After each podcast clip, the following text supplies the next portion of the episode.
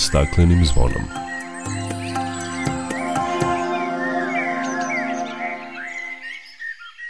Dobar dan i dobrodošli na Zeleni talas prvog programa radija Radio Televizije Vojvodine. Ja sam Dragana Ratković. U projektu Odvajamo u 17 opština i gradova do sada je mesečno sakupljeno više od 120 tona reciklabilnog materijala, a u narednim mesecima se očekuje porast sakupljenog otpada u domaćinstvima. Govorit ćemo o tome zašto se samo 10% otpadnog motornog ulja sakupi i iskoristi, kao i kakve štete po životnu sredinu i zdravlje ljudi imaju količine koje se bace. U bezmalo 60 zemalja sveta obeležen je Međunarodni dan reka. Čućete kakav je naš odnos prema rekama. Sutra nam stiže proleće. U oči dolaska proleća 19. marta obeležava se Svetski dan lasta. Čućete zašto su ih naši preci zvali srećnim pticama i poistovećivali ih sa boginjom proleća i mladosti, koliko vrsta lasta imamo kod nas i koliko su nam one važne. Biće reči i o knjizi Zaštićena područja prirode Republike Srbije koja je promovisana u Pokrajinskom zavodu za zaštitu prirode. O ovim i drugim temama više nakon pozdravne pesme. Dok priroda kraj nas plače Za vladarskim svojim tronom Tužno vele narikače Pod staklenim smo zvonom Znaj vazduha više nema Sve manje Protiv sebe ide čovek i to često bez pardona. Uništenju živog sveta Kao da su ljudi skloni Čovek sam je sebi meta Zbog njega ovo Uništenju sveta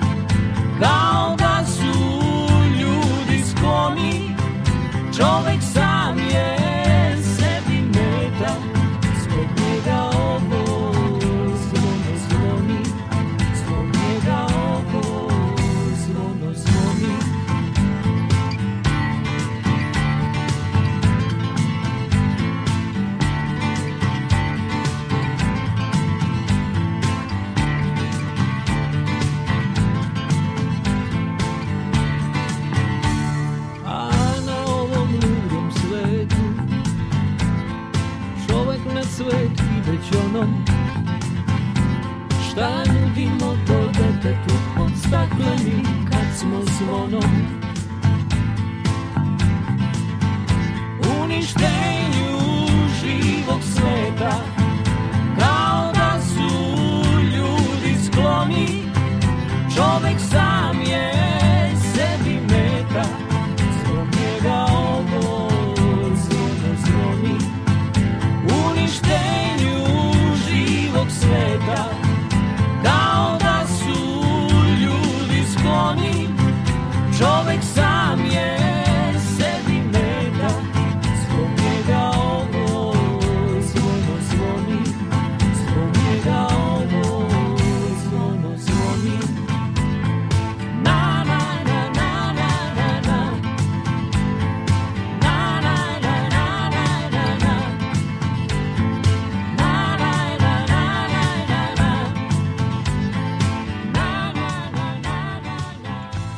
Predstavnici Ministarstva zaštite životne sredine Evropske unije i Švedska razgovarali su u Pirotu sa zvaničnicima 17 najnaprednijih lokalnih samouprava u oblasti upravljanja otpadom o izazovima u sprovođenju projekta Odvajamo i o budućim projektima. U projektu Odvajamo je 17 opština i gradova, među kojima su iz Vojvodine Šid i Sremska Mitrovica i do sada je mesečno sakupljeno više od 120 tona reciklabilnog materijala dobrog kvaliteta, a u narednim mesecima se očekuje porast u količinama sakupljenog materijala u domaćinstvima. Sakupljanje reciklabilnog otpada u domaćinstvima počelo je u novembru kako bi što manje tog otpada završilo na deponijama. Programski menadžer za životnu sredinu i borbu protiv klimatskih promena pri delegaciji Evropske unije u Srbiji Antoana Avignon izjavio je da odvajanje otpada u zemljama Evropske unije doprinosi smanjenju troškova koji postoje zbog zagađenja i troškova samih deponija. Kada smo započeli projekat Odvajamo sa Ministarstvom zaštite životne sredine i sa 17 opština u celoj zemlji, uradili smo istraživanje koje je pokazalo da 94% građana podržava primarno odvajanje otpada kao meru smanjenja zagađenja, kaže Avignon. Prva sekretarka ambasade Švedske u Beogradu Ida Roteršverd izjavila je da oni u oblasti zaštite životne sredine podržavaju mnoge stvari koje su važne za dobar kvalitet života u Srbiji, kao što je upravljanje otpadom, prerada otpadnih voda, upravljanje kvalitetom vazduha, regulisanje industrijskog zagađenja i drugo. Drago nam je što vidimo da su građani širom Srbije spremni da krenu i da već odvajaju otpad kao što su papir, plastika, metal i staklo. Za ovo će biti biti potrebno vreme, treba se dugoročno posvetiti ovom procesu jer on traje. U Švedskoj je bilo potrebno barem 10 godina da ljudi shvate značaj odvajanja otpada, dodala je Ida Roteršverd. Projekat Odvajamo nastavlja se i obuhvatit će veći broj domaćinstava u opštinama, a ono što će neposredno uslediti u završnoj fazi projekta biće još jedno istraživanje javnog mnenja u ovih 17 opština.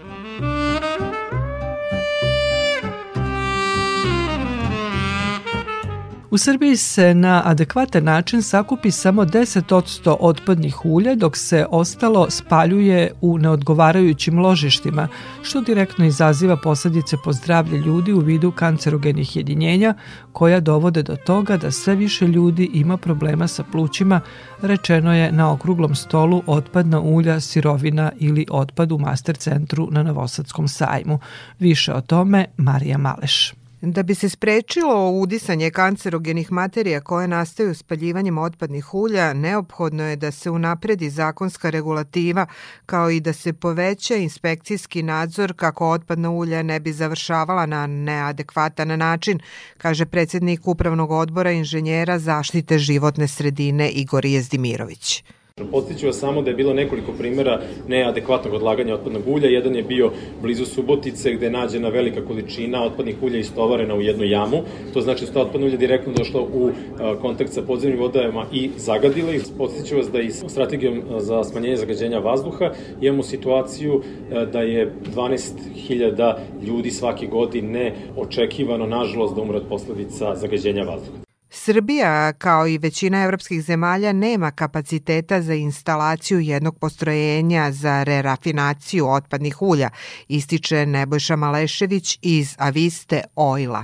Međutim, te zemlje su ili u obavezi ili će vrlo brzo biti u obavezi po evropskim direktivama da otpadno ulje izvezu u zemlje Evropske unije koje ga imaju. Znači, upravo biće zabranjeno suspaljivanje, korišćenje kao energent i tako dalje, upravo u smislu cirkularne ekonomije održivog razvoja i onoga o čemu stalno pričamo i što stalno zagovaramo. U Srbiji imamo veliku količinu prijavljenog generisanog otpada, a malu količinu zbrinutog otpada, navodi pokrenjski sekretar za zaštitu životne sredine Nemanja Ercek. Imali smo određene razgovore sa Fakultetom tehničkih nauka i u narednom periodu ćemo pokrenuti jedan projekat koji će upravo imati za cilj da ovu vrstu otpada približimo generatore samim sakupljačima, sa, sakupljače upra, ovaj, postrojenjima za upravljanje otpadom i da na neki način dovedemo do, do potpunog jednog sistema koji će biti zaokružen od mesta nastanka do mesta njegovog zbrinjavanja. Zagađena životna sredina se, kaže, veoma teško vraća u prvobitno stanje, te se pokrenjski sekretarijat trudi da u skladu sa regulativom ispuni svoje ciljeve. Takođe, kako Erceg dodaje, Privredna komora Vojvodine u tom smislu treba da da pun doprinos kako bi sva količina generisanog otpada bila zbrinuta na zakonit način.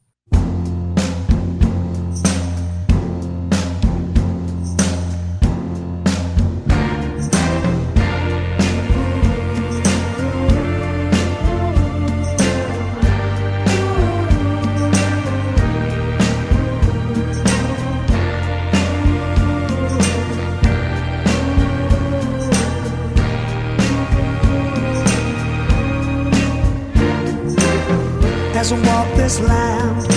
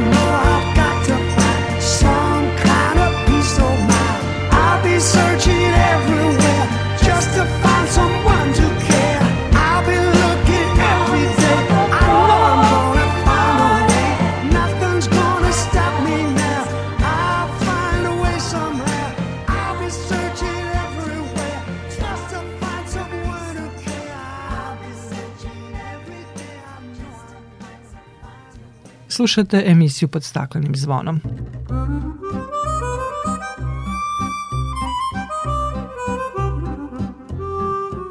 U gotovo 60 zemalja sveta 14. marta se obeležava Međunarodni dan reka. Reke su jedan od najosjetljivijih i najugroženijih ekosistema u Evropi i zato se na ovaj dan poziva na odgovornost prema njima kao i na pravo svih nas da imamo čiste vodotokove.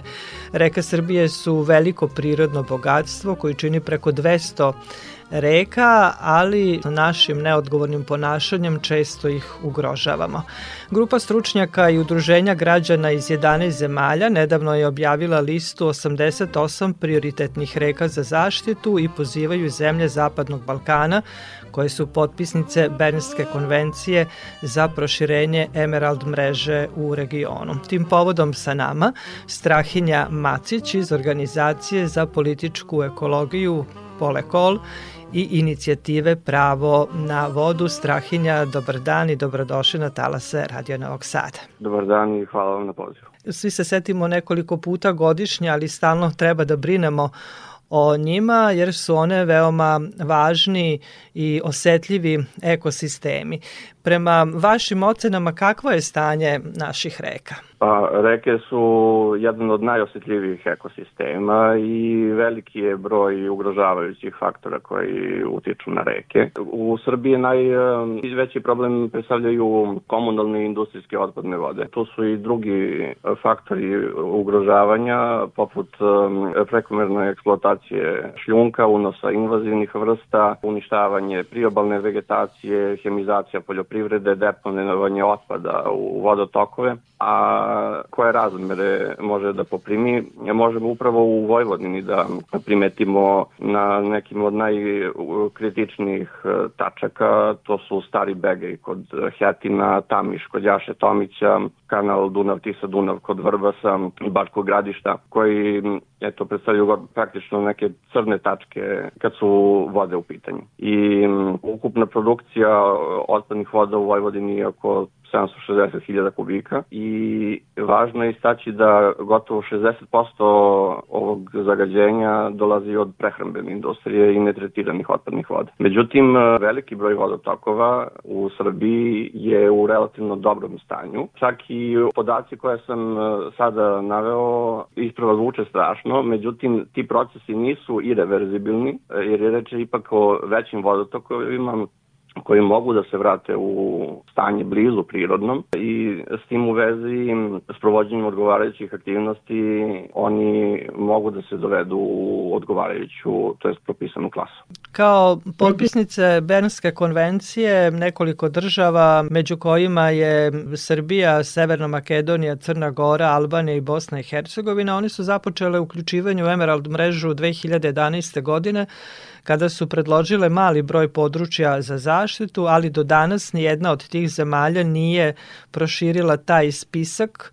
Većina područja dakle nema nikakvu zaštitu prema nacionalnom zakonodavstvu i zbog toga je grupa stručnjaka i udruženja građana iz 11 zemalja nedavno objavila listu 88 prioritetnih reka za zaštitu i pozivaju zemlje Zapadnog Balkana da se kroz e, stavljanje na listu tih reka proširi Emerald mreža u regionu. Koje su to reke i koji su bili kriterijumi za stavljanje reka na taj spisak?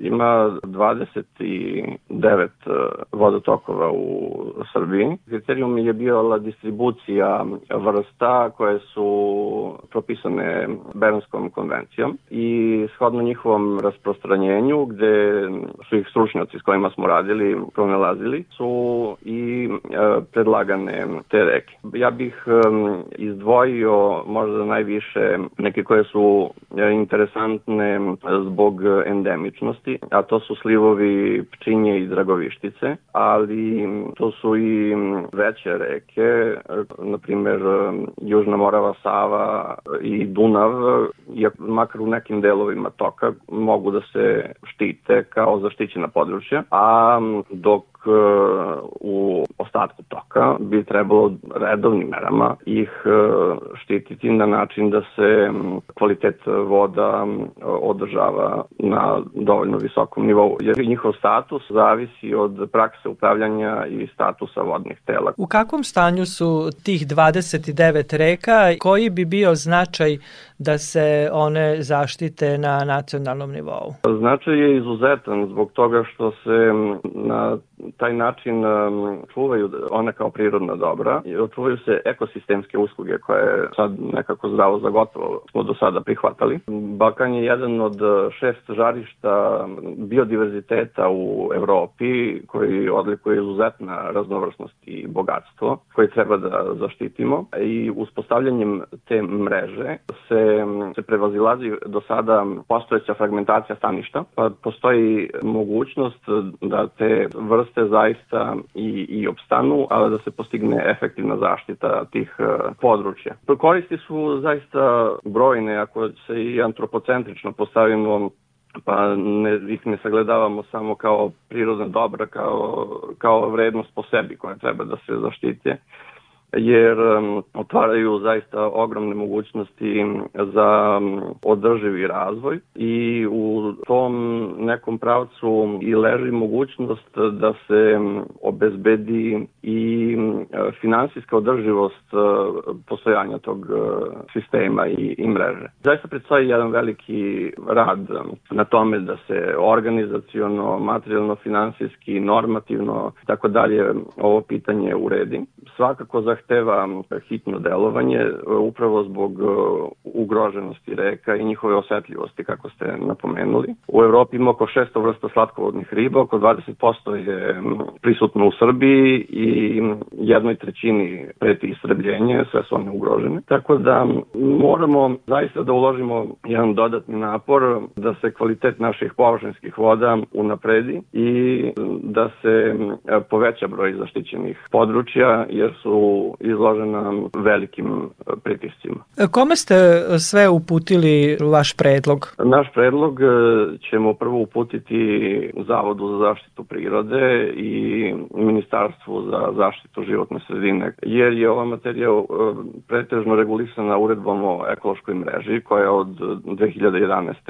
nije menjana. Ona ima i još nekih manjkavosti koje su se pokazale u praksi umeđu vremenu i valjalo bi ih otkloniti u narednom periodu s obzirom da postoji zaista dobra dokumentaciona osnova koju smo i mi prikupili, naravno i čitava naučna zajednica kroz neke projekte koji su nedavno okončani, akvim podacima Zavod raspolaže. Zaista imamo mogućnost da ubrzamo taj postupak i da povećamo broj zaštićenih područja, da se staramo o tome da ona ne budu zaštićena samo na papiru, već da postoji prava, efektivna zaštita na terenu i da se razgovara o eventualnom proširenju do sada uspostavljenih, odnosno predloženih e, područja za zaštitu, s obzirom da se u nekima pokazala potreba za time. Dakle, taj vaš predlog će biti tek upućen. Nadamo se da će oni koji su nadležni prihvatiti ove predloge, jer zaista, kao što smo i rekli, reke su jako bitne za naše ekosisteme, one su i stanište mnogim vrstama, a služe u nekim slučajevima kao i izvor pijaće vode i zato treba da ih štitimo. Strahinja, hvala vam lepo za razgovor i učešću u programu Radio Novog Sada. Hvala vama, prijatno.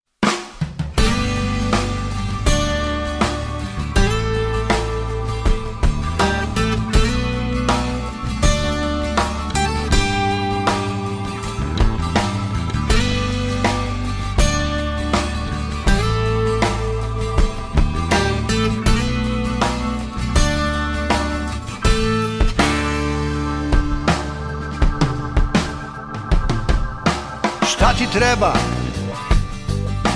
Komad hleba. I pod glavom. Malo gline. Stručak trava, reka plava i već stižeš u visine. Stručak trava, reka plava i već stižeš u visine. Zemlji treba plava bluza i svaka je reka čista Jedna mala Božja suza Što čudesnim sjajem blista. Kad si pored bistre vode Do neba je staza kraća. S ljubavlju i reci odeš Sto struko ti ona vraća.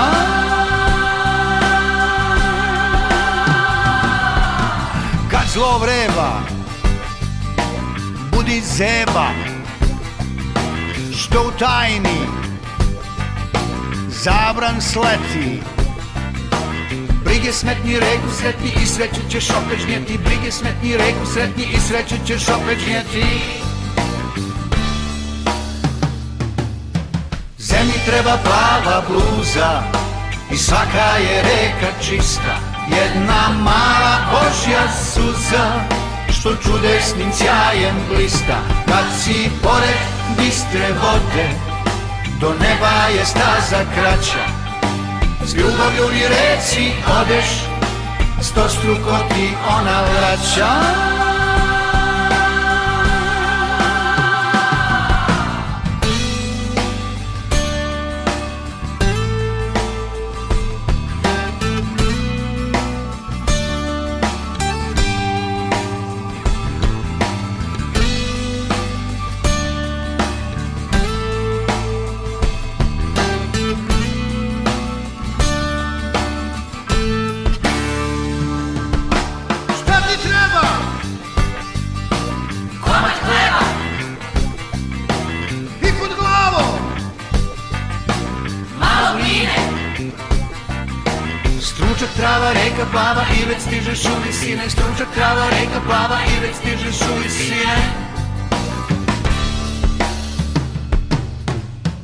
treba plava bluza i svaka je reka čista.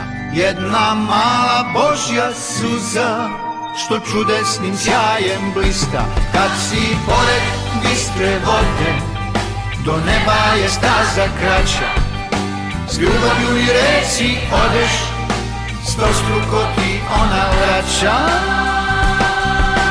Zemlji treba plava bluza I svaka je reka čista Jedna mala Božja suza Što čudesnim sjajem blista. Kad si pored bistre vode Do neba je staza kraća. S ljubavlju i reci odeš Sto struko ti ona vraća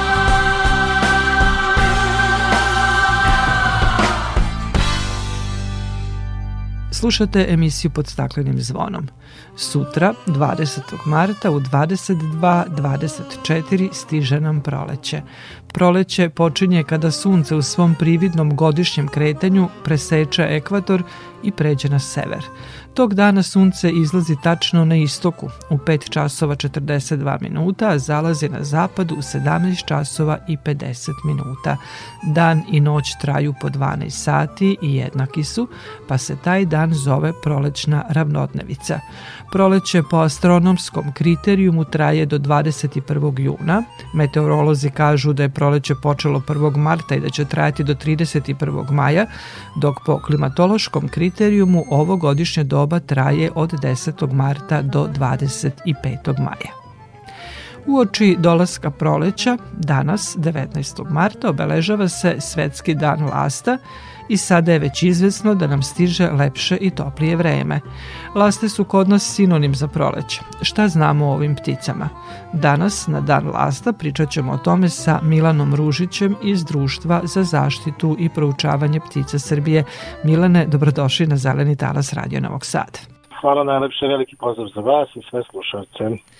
Milane, kažu još kod starih Slovena, lasta je bila srećna ptica koju su poistovećivali sa boginjom proleća i mladosti i kod nas postoji verovanje da one donose sreću kada bi svile gnezdo pod e, krovom kuća. Šta bi trebalo da znamo o ovim pticama koje su, čini mi se, omiljene kod nas? Pa naši preci nisu se bavili naukom. Oni nisu posjedovali enciklopedije, knjige, nisu čitali naučne radove, niti gledali dokumentarne filmove, već su posmatrali prirodu. Posmatranjem prirode se zaista može puno naučiti. U ta neka davna vremena ljudi nisu imali ni kalendare. I praktično e, novo rađanje, novi ciklu života za njih je počinjao dolaskom ptica selica. Ljudi u tom periodu čak nisu ni znali gde ptice selice poput seoske laste ili pele rode odlaze, imali su vrlo različite teorije, pa čak su i, i, i starogrčki filozofi smatrali da neke tih ptica odlaze na dno jezera, da se onda tamo pretvaraju neke ribe, borave tokom zime i onda u proleće ta riba postaje ptica, izlazi iz jezera i vraća se na ta neka podneblja. U sve u svemu, zaista postoji kroz ovu dugu ljudsku istoriju u raznim kulturama, dakle ne samo ovde među nama, u ovom delu sveta, vrlo pozitivna emocija kad su ptice selice pitanju posebno laste i rode.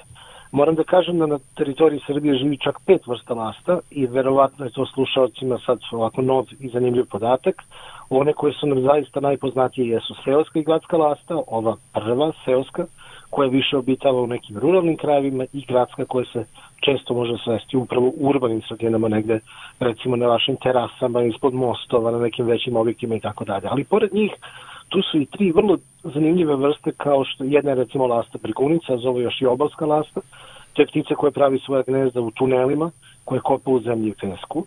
Potom a, tu su dve vrste, jedna se zove gorska lasta, ona je a, ptica koja je uglavnom vezana za planinske krajeve i nećemo je videti u nizijama i posebno ne u velikim gradovima. I tu je još i davorska lasta, jedna mediteranska, toploljubiva vrsta koja sve više osvaja Srbiju, evo kako nam dolazi ove klimatske promene, možemo da pratimo upravo šta se dešava u prirodi, kakve promene dolazi po samim pticama. Laste borave uglavnom tokom zime borave u Africi, možda na Bliskom istoku, dakle u tim toplim krajevima, razlog njihovog odlaska iz Evrope i Srbije naravno je taj što njima u toku pozne jeseni, u toku zime nedostaje hrane. I lasti su ptice koje su uglavnom hrane insektima i naši stari su to vrlo dobro znali zato što su one boravile u blizini čoveka, tamo gde su ljudski objekti, tamo gde su štale i one su vrlo korisne zato što praktično pojedu na desetine hiljade insekata koji mogu biti štetne po čoveka i po domaće životinje. Čuli smo eto i čime se hrane, e, koliko su nam one važne, koliko vrsta na našem području ima. Ove godine prve rode stigle su nam negde sredinom februara, što je malo neobičajeno. Laste nam dolaze, evo baš ovo vreme, negde kraje marta, početkom aprila. Da li su možda već i one viđene? A ja sam izuzetno iznenadio kada je naš drugar Oliver, koji inače ribočuvar na Potamišu, video prvu seosku lastu već 20. februara. To je potpuno neobičajeno. A gradske laste su prve viđene samo nekoliko dana nakon toga. I upravo kao što ste vi sada rekli, umesto da ptice dolaze tu negde u drugoj polovini marta, naravno većina njih će doći do početka aprila, neke su izuzetno požurile. Dakle, ovo varljivo vreme, topla zima, velike promene koje se dešavaju na celoj kugli, uslovile su to da ptice pomisle da je vreme da krenu na seobu, da se vrate. I uglavnom će mužjaci poći tih prvih dana, zato što se oni trude, oni žure da dođu na svoje stare teritorije, da ih zauzmu i odbrane. Međutim, problem je što kada ptice dođu preuranjeno, one neće naći prostor na kojem ima dovoljno hrane i nažalost i prvi talasi ptice selice, posebno ovih koje se hrane insektima, uglavnom stradaju. Čuli smo, eto, prve laste su već stigle. Rekao smo, imamo i seoske i gradske laste. Kakva je razlika između njih? Pa većina ovih lasti o kojima govorimo, izuze laste begunice koje se gnezde zemlje u principu u nekoj davnoj prošlosti boravila na stenama i u pećinama. Međutim, kako smo mi ljudi počeli da pravimo objekte u kojima živimo, kako su nastajala čitava naselja, visoki objekti, zgrade, kule, dvorci, sve ono drugo što smo pravili, laste su lagano izlazile iz tih prirodnih okruženja i naseljavale naša naselja. Slično se dogodilo i sa vrapcima i brojnim drugim pticama. Praktično, mi gradeći objekte za naše potrebe stanovanja, industrije, bilo čega, transporta, šta god je u pitanju, pravimo posebne niše koje odgovaraju pticama.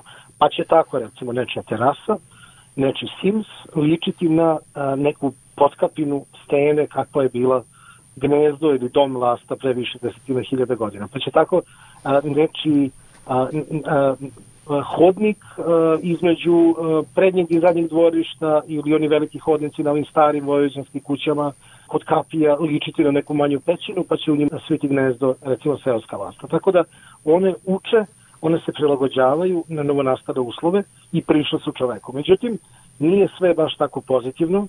Lastama je potrebna velika količina hrane, kad kažem velika količina, to pre svega mislim na veliku brojnost insekata, jer one love hranu koja je zaista sićušna i ima vrlo malu kalorijsku vrednost. Tako da jedan par lasta, recimo kad hranimo dunce, mora da ulovi po više hiljada insekata u toku dana. Ali šta mi ljudi radimo? Mi smo toliko premenili životnu sredinu, toliko utičemo, toliko hemikalija koristimo, pesticida, da praktično proterujemo, nesvesno proterujemo lastu iz našeg okruženja ili mu uništavamo osnovni resurs za život, a to je hrana. S obzirom na to i nove klimatske promene, da li se nešto promenilo u populaciji? Rađene su pre neku godinu istraživanja na tu temu. Upravo tako. Mi smo pre više od 10 godina popisali kolonije gradskih lasta u Novom Sadu. Primetili smo umeđu vremenu, evo do prošle godine, taj dobar deo tih kolonija gradskih vlasti ili desetkovan ili u potpunosti nestao. Razlog tome naravno jesu velike promene u smislu nedostatka hrane, ali primetili smo još jednu stvar koja zaista ne priliči modernom čoveku, posebno nekom ko živi u ovako mirnom i divnom gradu kao što je Novi Sad, a to je na velikom broju mesta su gnezda srošena. Zamislite jednu malu pticu koja ima negde 25-30 grama, koja vam doleće sa udaljenosti od 6-7 hiljada kilometara, koja preleće praktično celu Afriku, preleće preko mora i dolazi u Novi Sad, hrli nam nazad i umesto da je dočekamo raširenih ruku da zaista volimo, da nam bude drago što je u našem susedstvu, na našoj terasi, na bilo kom objektu, ljudi ih dočekuju motkama, ne rušim grezda, tako dalje. Laste imaju veliki problem u Novom Sadu takođe da pronađe adekvatan materijal uz pomoć koga bi napravile gnezdo, jer one gnezdo prave od lepljivog blata, od malih kugli blata koje praktično vrlo užurbano skupljaju u rano proleći potom ga lepe na te neke previse, na terase i tako dalje. Toga je sve manje, sve manje kiša u prolećnom i letnim periodu, teško mi da dođe do materijala i zaista nema potrebe da se na taj način ophodimo prema pticama, a neki se žale da im ptice malo zaprljaju terasu ili neki ugao prozora ili šta god, ali verujte da bez njih praktično novosađeni ne bi mogli da izađu uveče da prošetaju ili da sede na svojim terasama, jer koliko god mi tretirali komarci i druge insekte koje možda ne volimo toliko, ptice i slepi miševi su ti koji u stvari su najbolji regulatori, najjeftiniji, najprirodniji i najzdraviji regulatori brojnosti insekata u prirodi. Zato pozivam novosađene da budu trpeljivi, da shvate da je pticama deo u našoj životnoj sredini, a ako lasta malo zaprlja neki ugao terase, vrlo jednostavno rešiti, dakle može se postaviti neka mala polica ispod gnezda na koji će ta neka prljavština ili izmet ili što god padati. Kada laste na jesen odu toplije krajeve, to jednostavno očistimo i život ide dalje. Ako se vodimo onim e, verovanjem koji su imali naši preci, stari Sloveni, koji kažu da je lasta srećna ptica i da donosi sreću, eto možda još jedan razlog da pustimo da naprave gnezdo i na našoj terasi. A kada govorimo o seoskim lastama, vi već godinama organizujete jednu akciju domaćinstvo koje su laste izabrale i iz godinu u godinu sve više onih seoskih domaćinstava koje se prijavljuju e, za ovu akciju. Potpuno je drugačija situacija u percepciji prirode ljudi koji žive na selu i u gradu. Mi koji živimo u gradu dosta smo se otuđili upravo smo mi akciju koju ste pomenuli e, namenili ljudima na selu koji u velikoj meri podržavaju biodiverzitet i koji održavaju našu prirodu vitalnom koliko toliko u ovo današnje vreme. A za njih je seoska lasta zaista ono sa početka priče. Simbol proleća, novog rađanja, nešto divno, ptica koja prelepo peva, koja ima vrlo atraktivan izgled, koja užurbano leti i skuplja insekte, pravi gnezdo, nešto što, što naši zemljoradnici, naši pavari zaista vole i podržavaju. I mi smo želeli da im kažemo hvala. Možda nemamo dovoljno novca i resursa da pomognemo svakog od njih, ali želimo da im kažemo hvala za to što su svoje staje, u svoje objekte primili ptice i nesebično dele svoju ljubav prema pticama i sa nama ostalima koji se pticama, da kažemo, profesionalno bavimo. Pa iz tog razloga mi svako proleće pozivamo naše vredne domaćine da se prijave, da nam kažu koliko aktivnih gnezda lasta posjeduju, dakle ona gnezda koja su zauzeta, gde su parovi, gde leže na jajima i da imaju mladunce i nakon toga mi proverom tih podataka koje dobijemo dođemo u stvari do domaćinstva koje ima najveći broj lasta u datoj godini i želimo da ih darujemo na neki način. I mi uglavnom dajemo jednu tonu kukuruza našim domaćinima, a ako nađemo dobre sponzore, onda podržimo i sa kojom tonom više. Međutim, svim onima koji učestvuju mi podelimo i neke zahvalnice, a onda imamo jednu, da kažemo, zanimljivu nagradu koja se zove Srećno gnezdo, gde praktično svi ostali koji su učestvovali u akciji te godine budu bubnju i onda izločimo jedno domaćinstvo koje od nas dobija sadnice voća. Želimo da naši domaćini vredno nastave da da žive na tim svojim okućnicama i da proizvode ono što je najvažnije, da proizvode kvalitetnu, zdravstveno bezbednu hranu koja je nama naravno u gradovima preko neophodna. I to je taj neki kontakt ljudi, divih životinja na selu koji želimo da održimo, a naravno i svim ostalima da pokažemo da bez te neraskidive veze ni mi ljudi danas ne možemo da živimo. Milane, hvala vam lepo na ovoj toploj i lepoj priči o lastama koje su, eto kao što rekoh na početku, sinonim proleća, vesnici proleća. Laste su već tu, dakle, još samo kalendarski da nam proleće stignu i dakle da malo više obratimo pažnju i na ptice u našem okruženju i čuli smo koliko su nam one važne.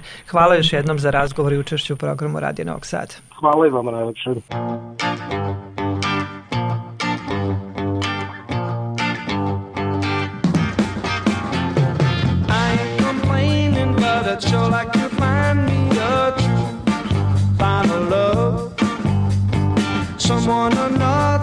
As sweet as your mother. A true final love.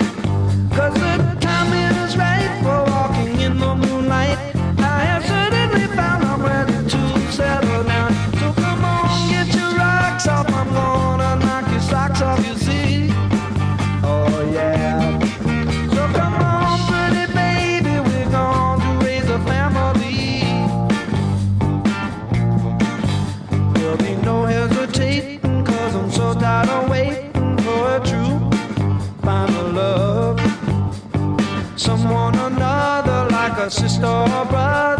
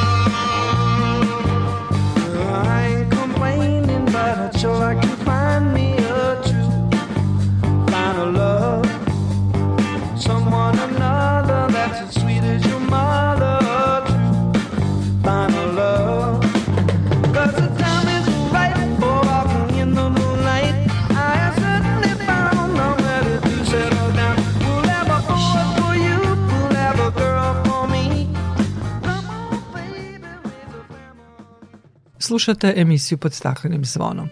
U izdanju Srpskog geografskog društva u Pokrinjskom zavodu za zaštitu prirode predstavljena je knjiga Zaštićena područja prirode Republike Srbije autora Zorana Vačvorovića i Snežane Antonijević.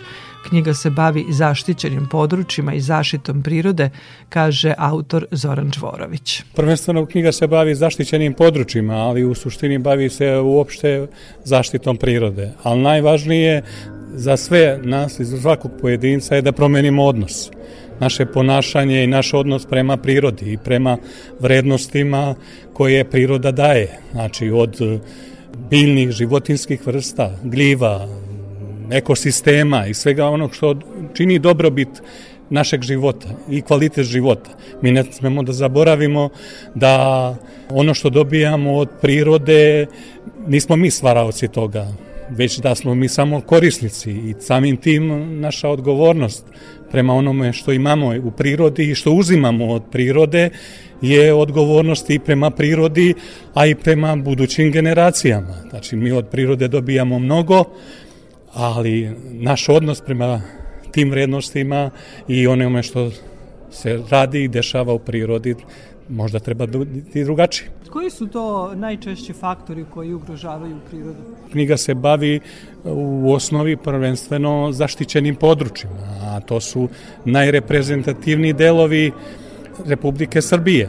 I priroda i zaštićena priroda i područja su danas izložene brojnim ugrožavanjem. Pre svega ugrožavanja su vezane za razne aktivnosti i radove u prirodi kroz određene privredne aktivnosti a i kroz intervencije ljudi u smislu narušavanja prirodnih staništa, prvenstveno biljnih i životinskih vrsta i narušavanja ekosistema i funkcija koje imaju.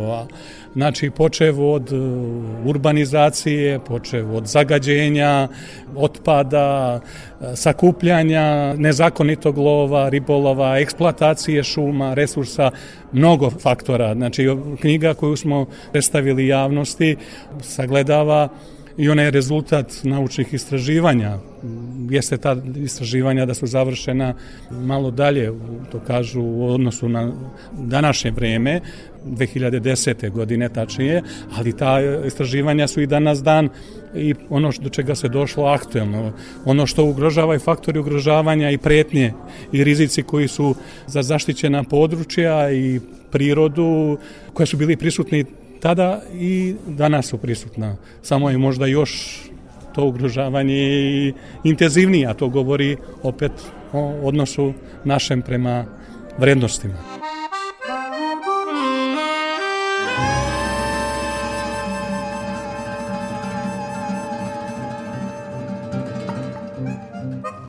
Kakav je naš odnos prema prirodi možda najbolje govori sledeći prilog.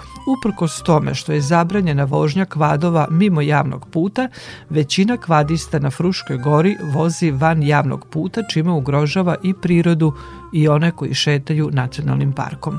Kako bi problem bio rešen, organizovan je sastanak predstavnika nacionalnog parka sa udruženjem kvadista.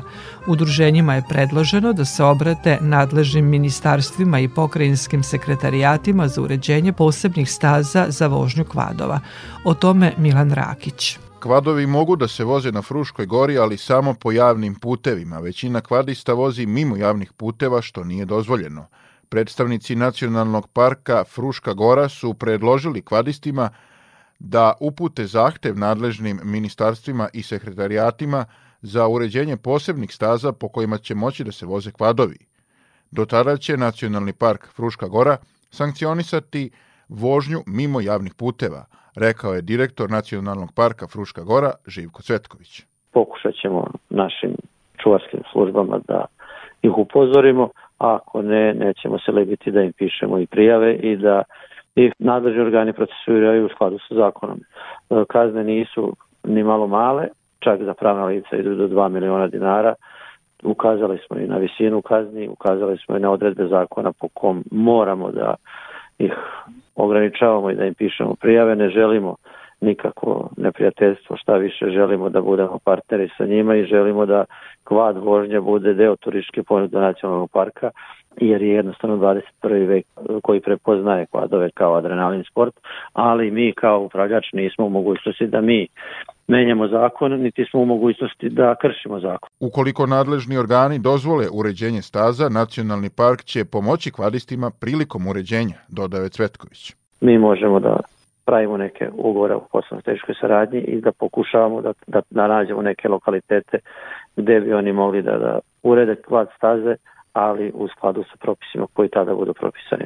Cvetković je rekao da će se Nacionalni park Fruška Gora pridržavati zakona i da neće dozvoliti bahaćenje grupe pojedinaca koji dovode u opasnost život planinara i uništavaju staze na Fruškoj Gori.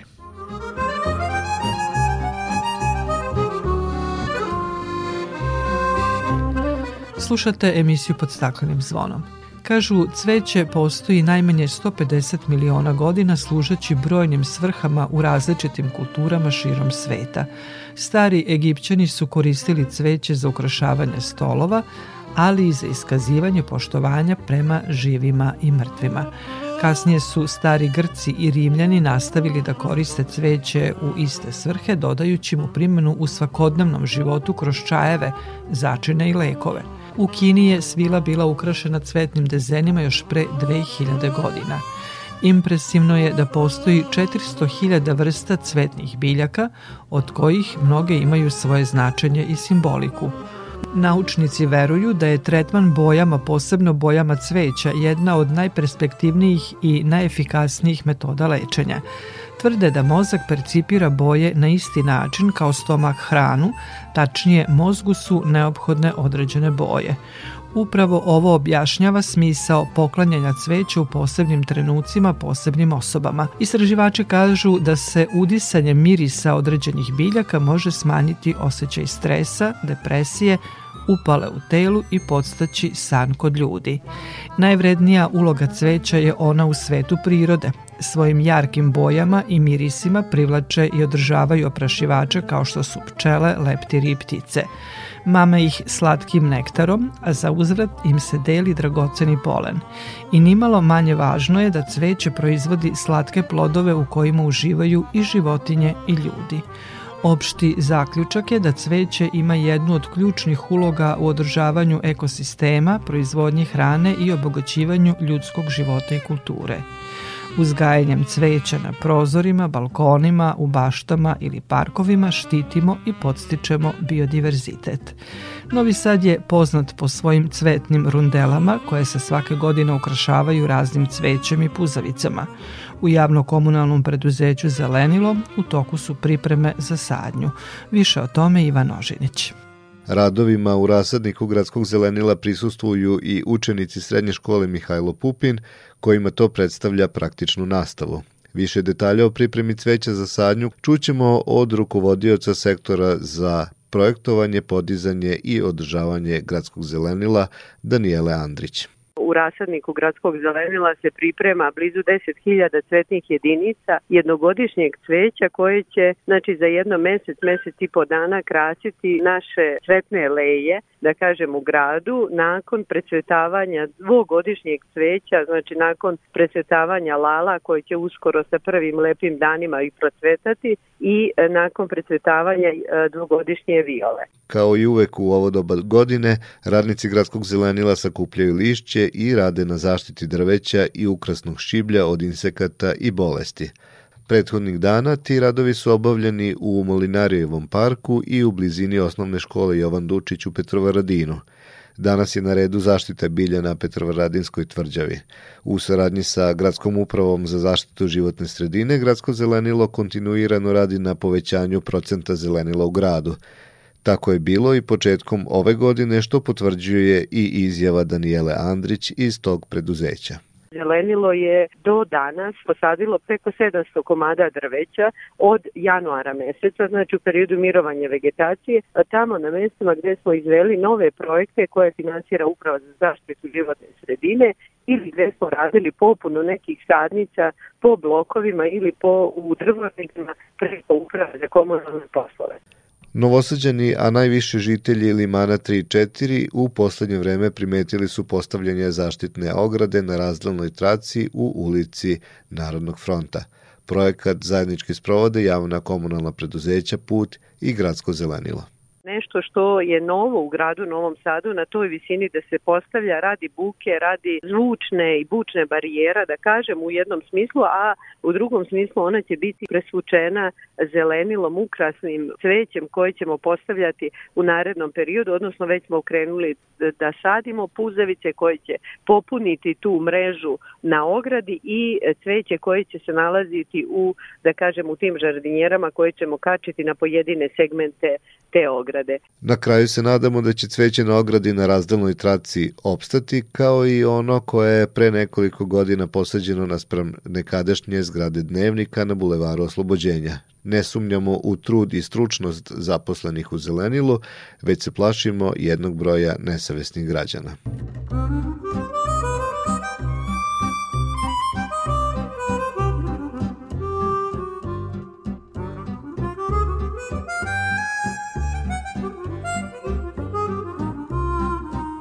Slušate emisiju pod staklenim zvonom. Svake poslednje subotu u martu, gašenjem svetla u 20 i 30 časova obeležavamo Sad za našu planetu. 16. godinu za redom Svetska organizacija za prirodu poziva da se priključimo najvećoj svetskoj kampanji posvećenoj planeti Zemlji i isključimo svetla 25. marta u pola devet uveče. WWF poziva i sve predstavnike gradskih vlasti da isključe javnu rasvetu na prepoznatljivim javnim mestima i tako podrže namere da pokažemo da je svaki napor za očuvanje zemlje vredan.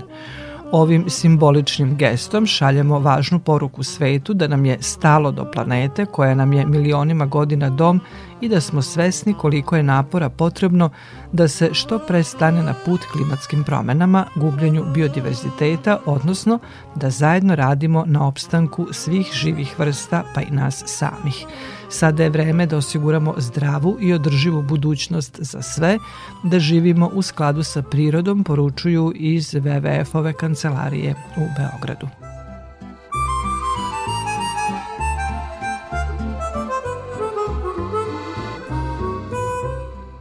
Toliko u ovom izdanju emisije pod staklenim zvonom koju možete slušati i odloženo na podcastu Radio Televizije Vojvodine na adresi rtv.rs. Emisiju potpisuju Violeta Marković, Zoran Gajinov i Dragana Ratković. Naredni susret zakazujemo za sedam dana u isto vreme na zelenom talasu prvog programa radija Radio Televizija Vojvodine.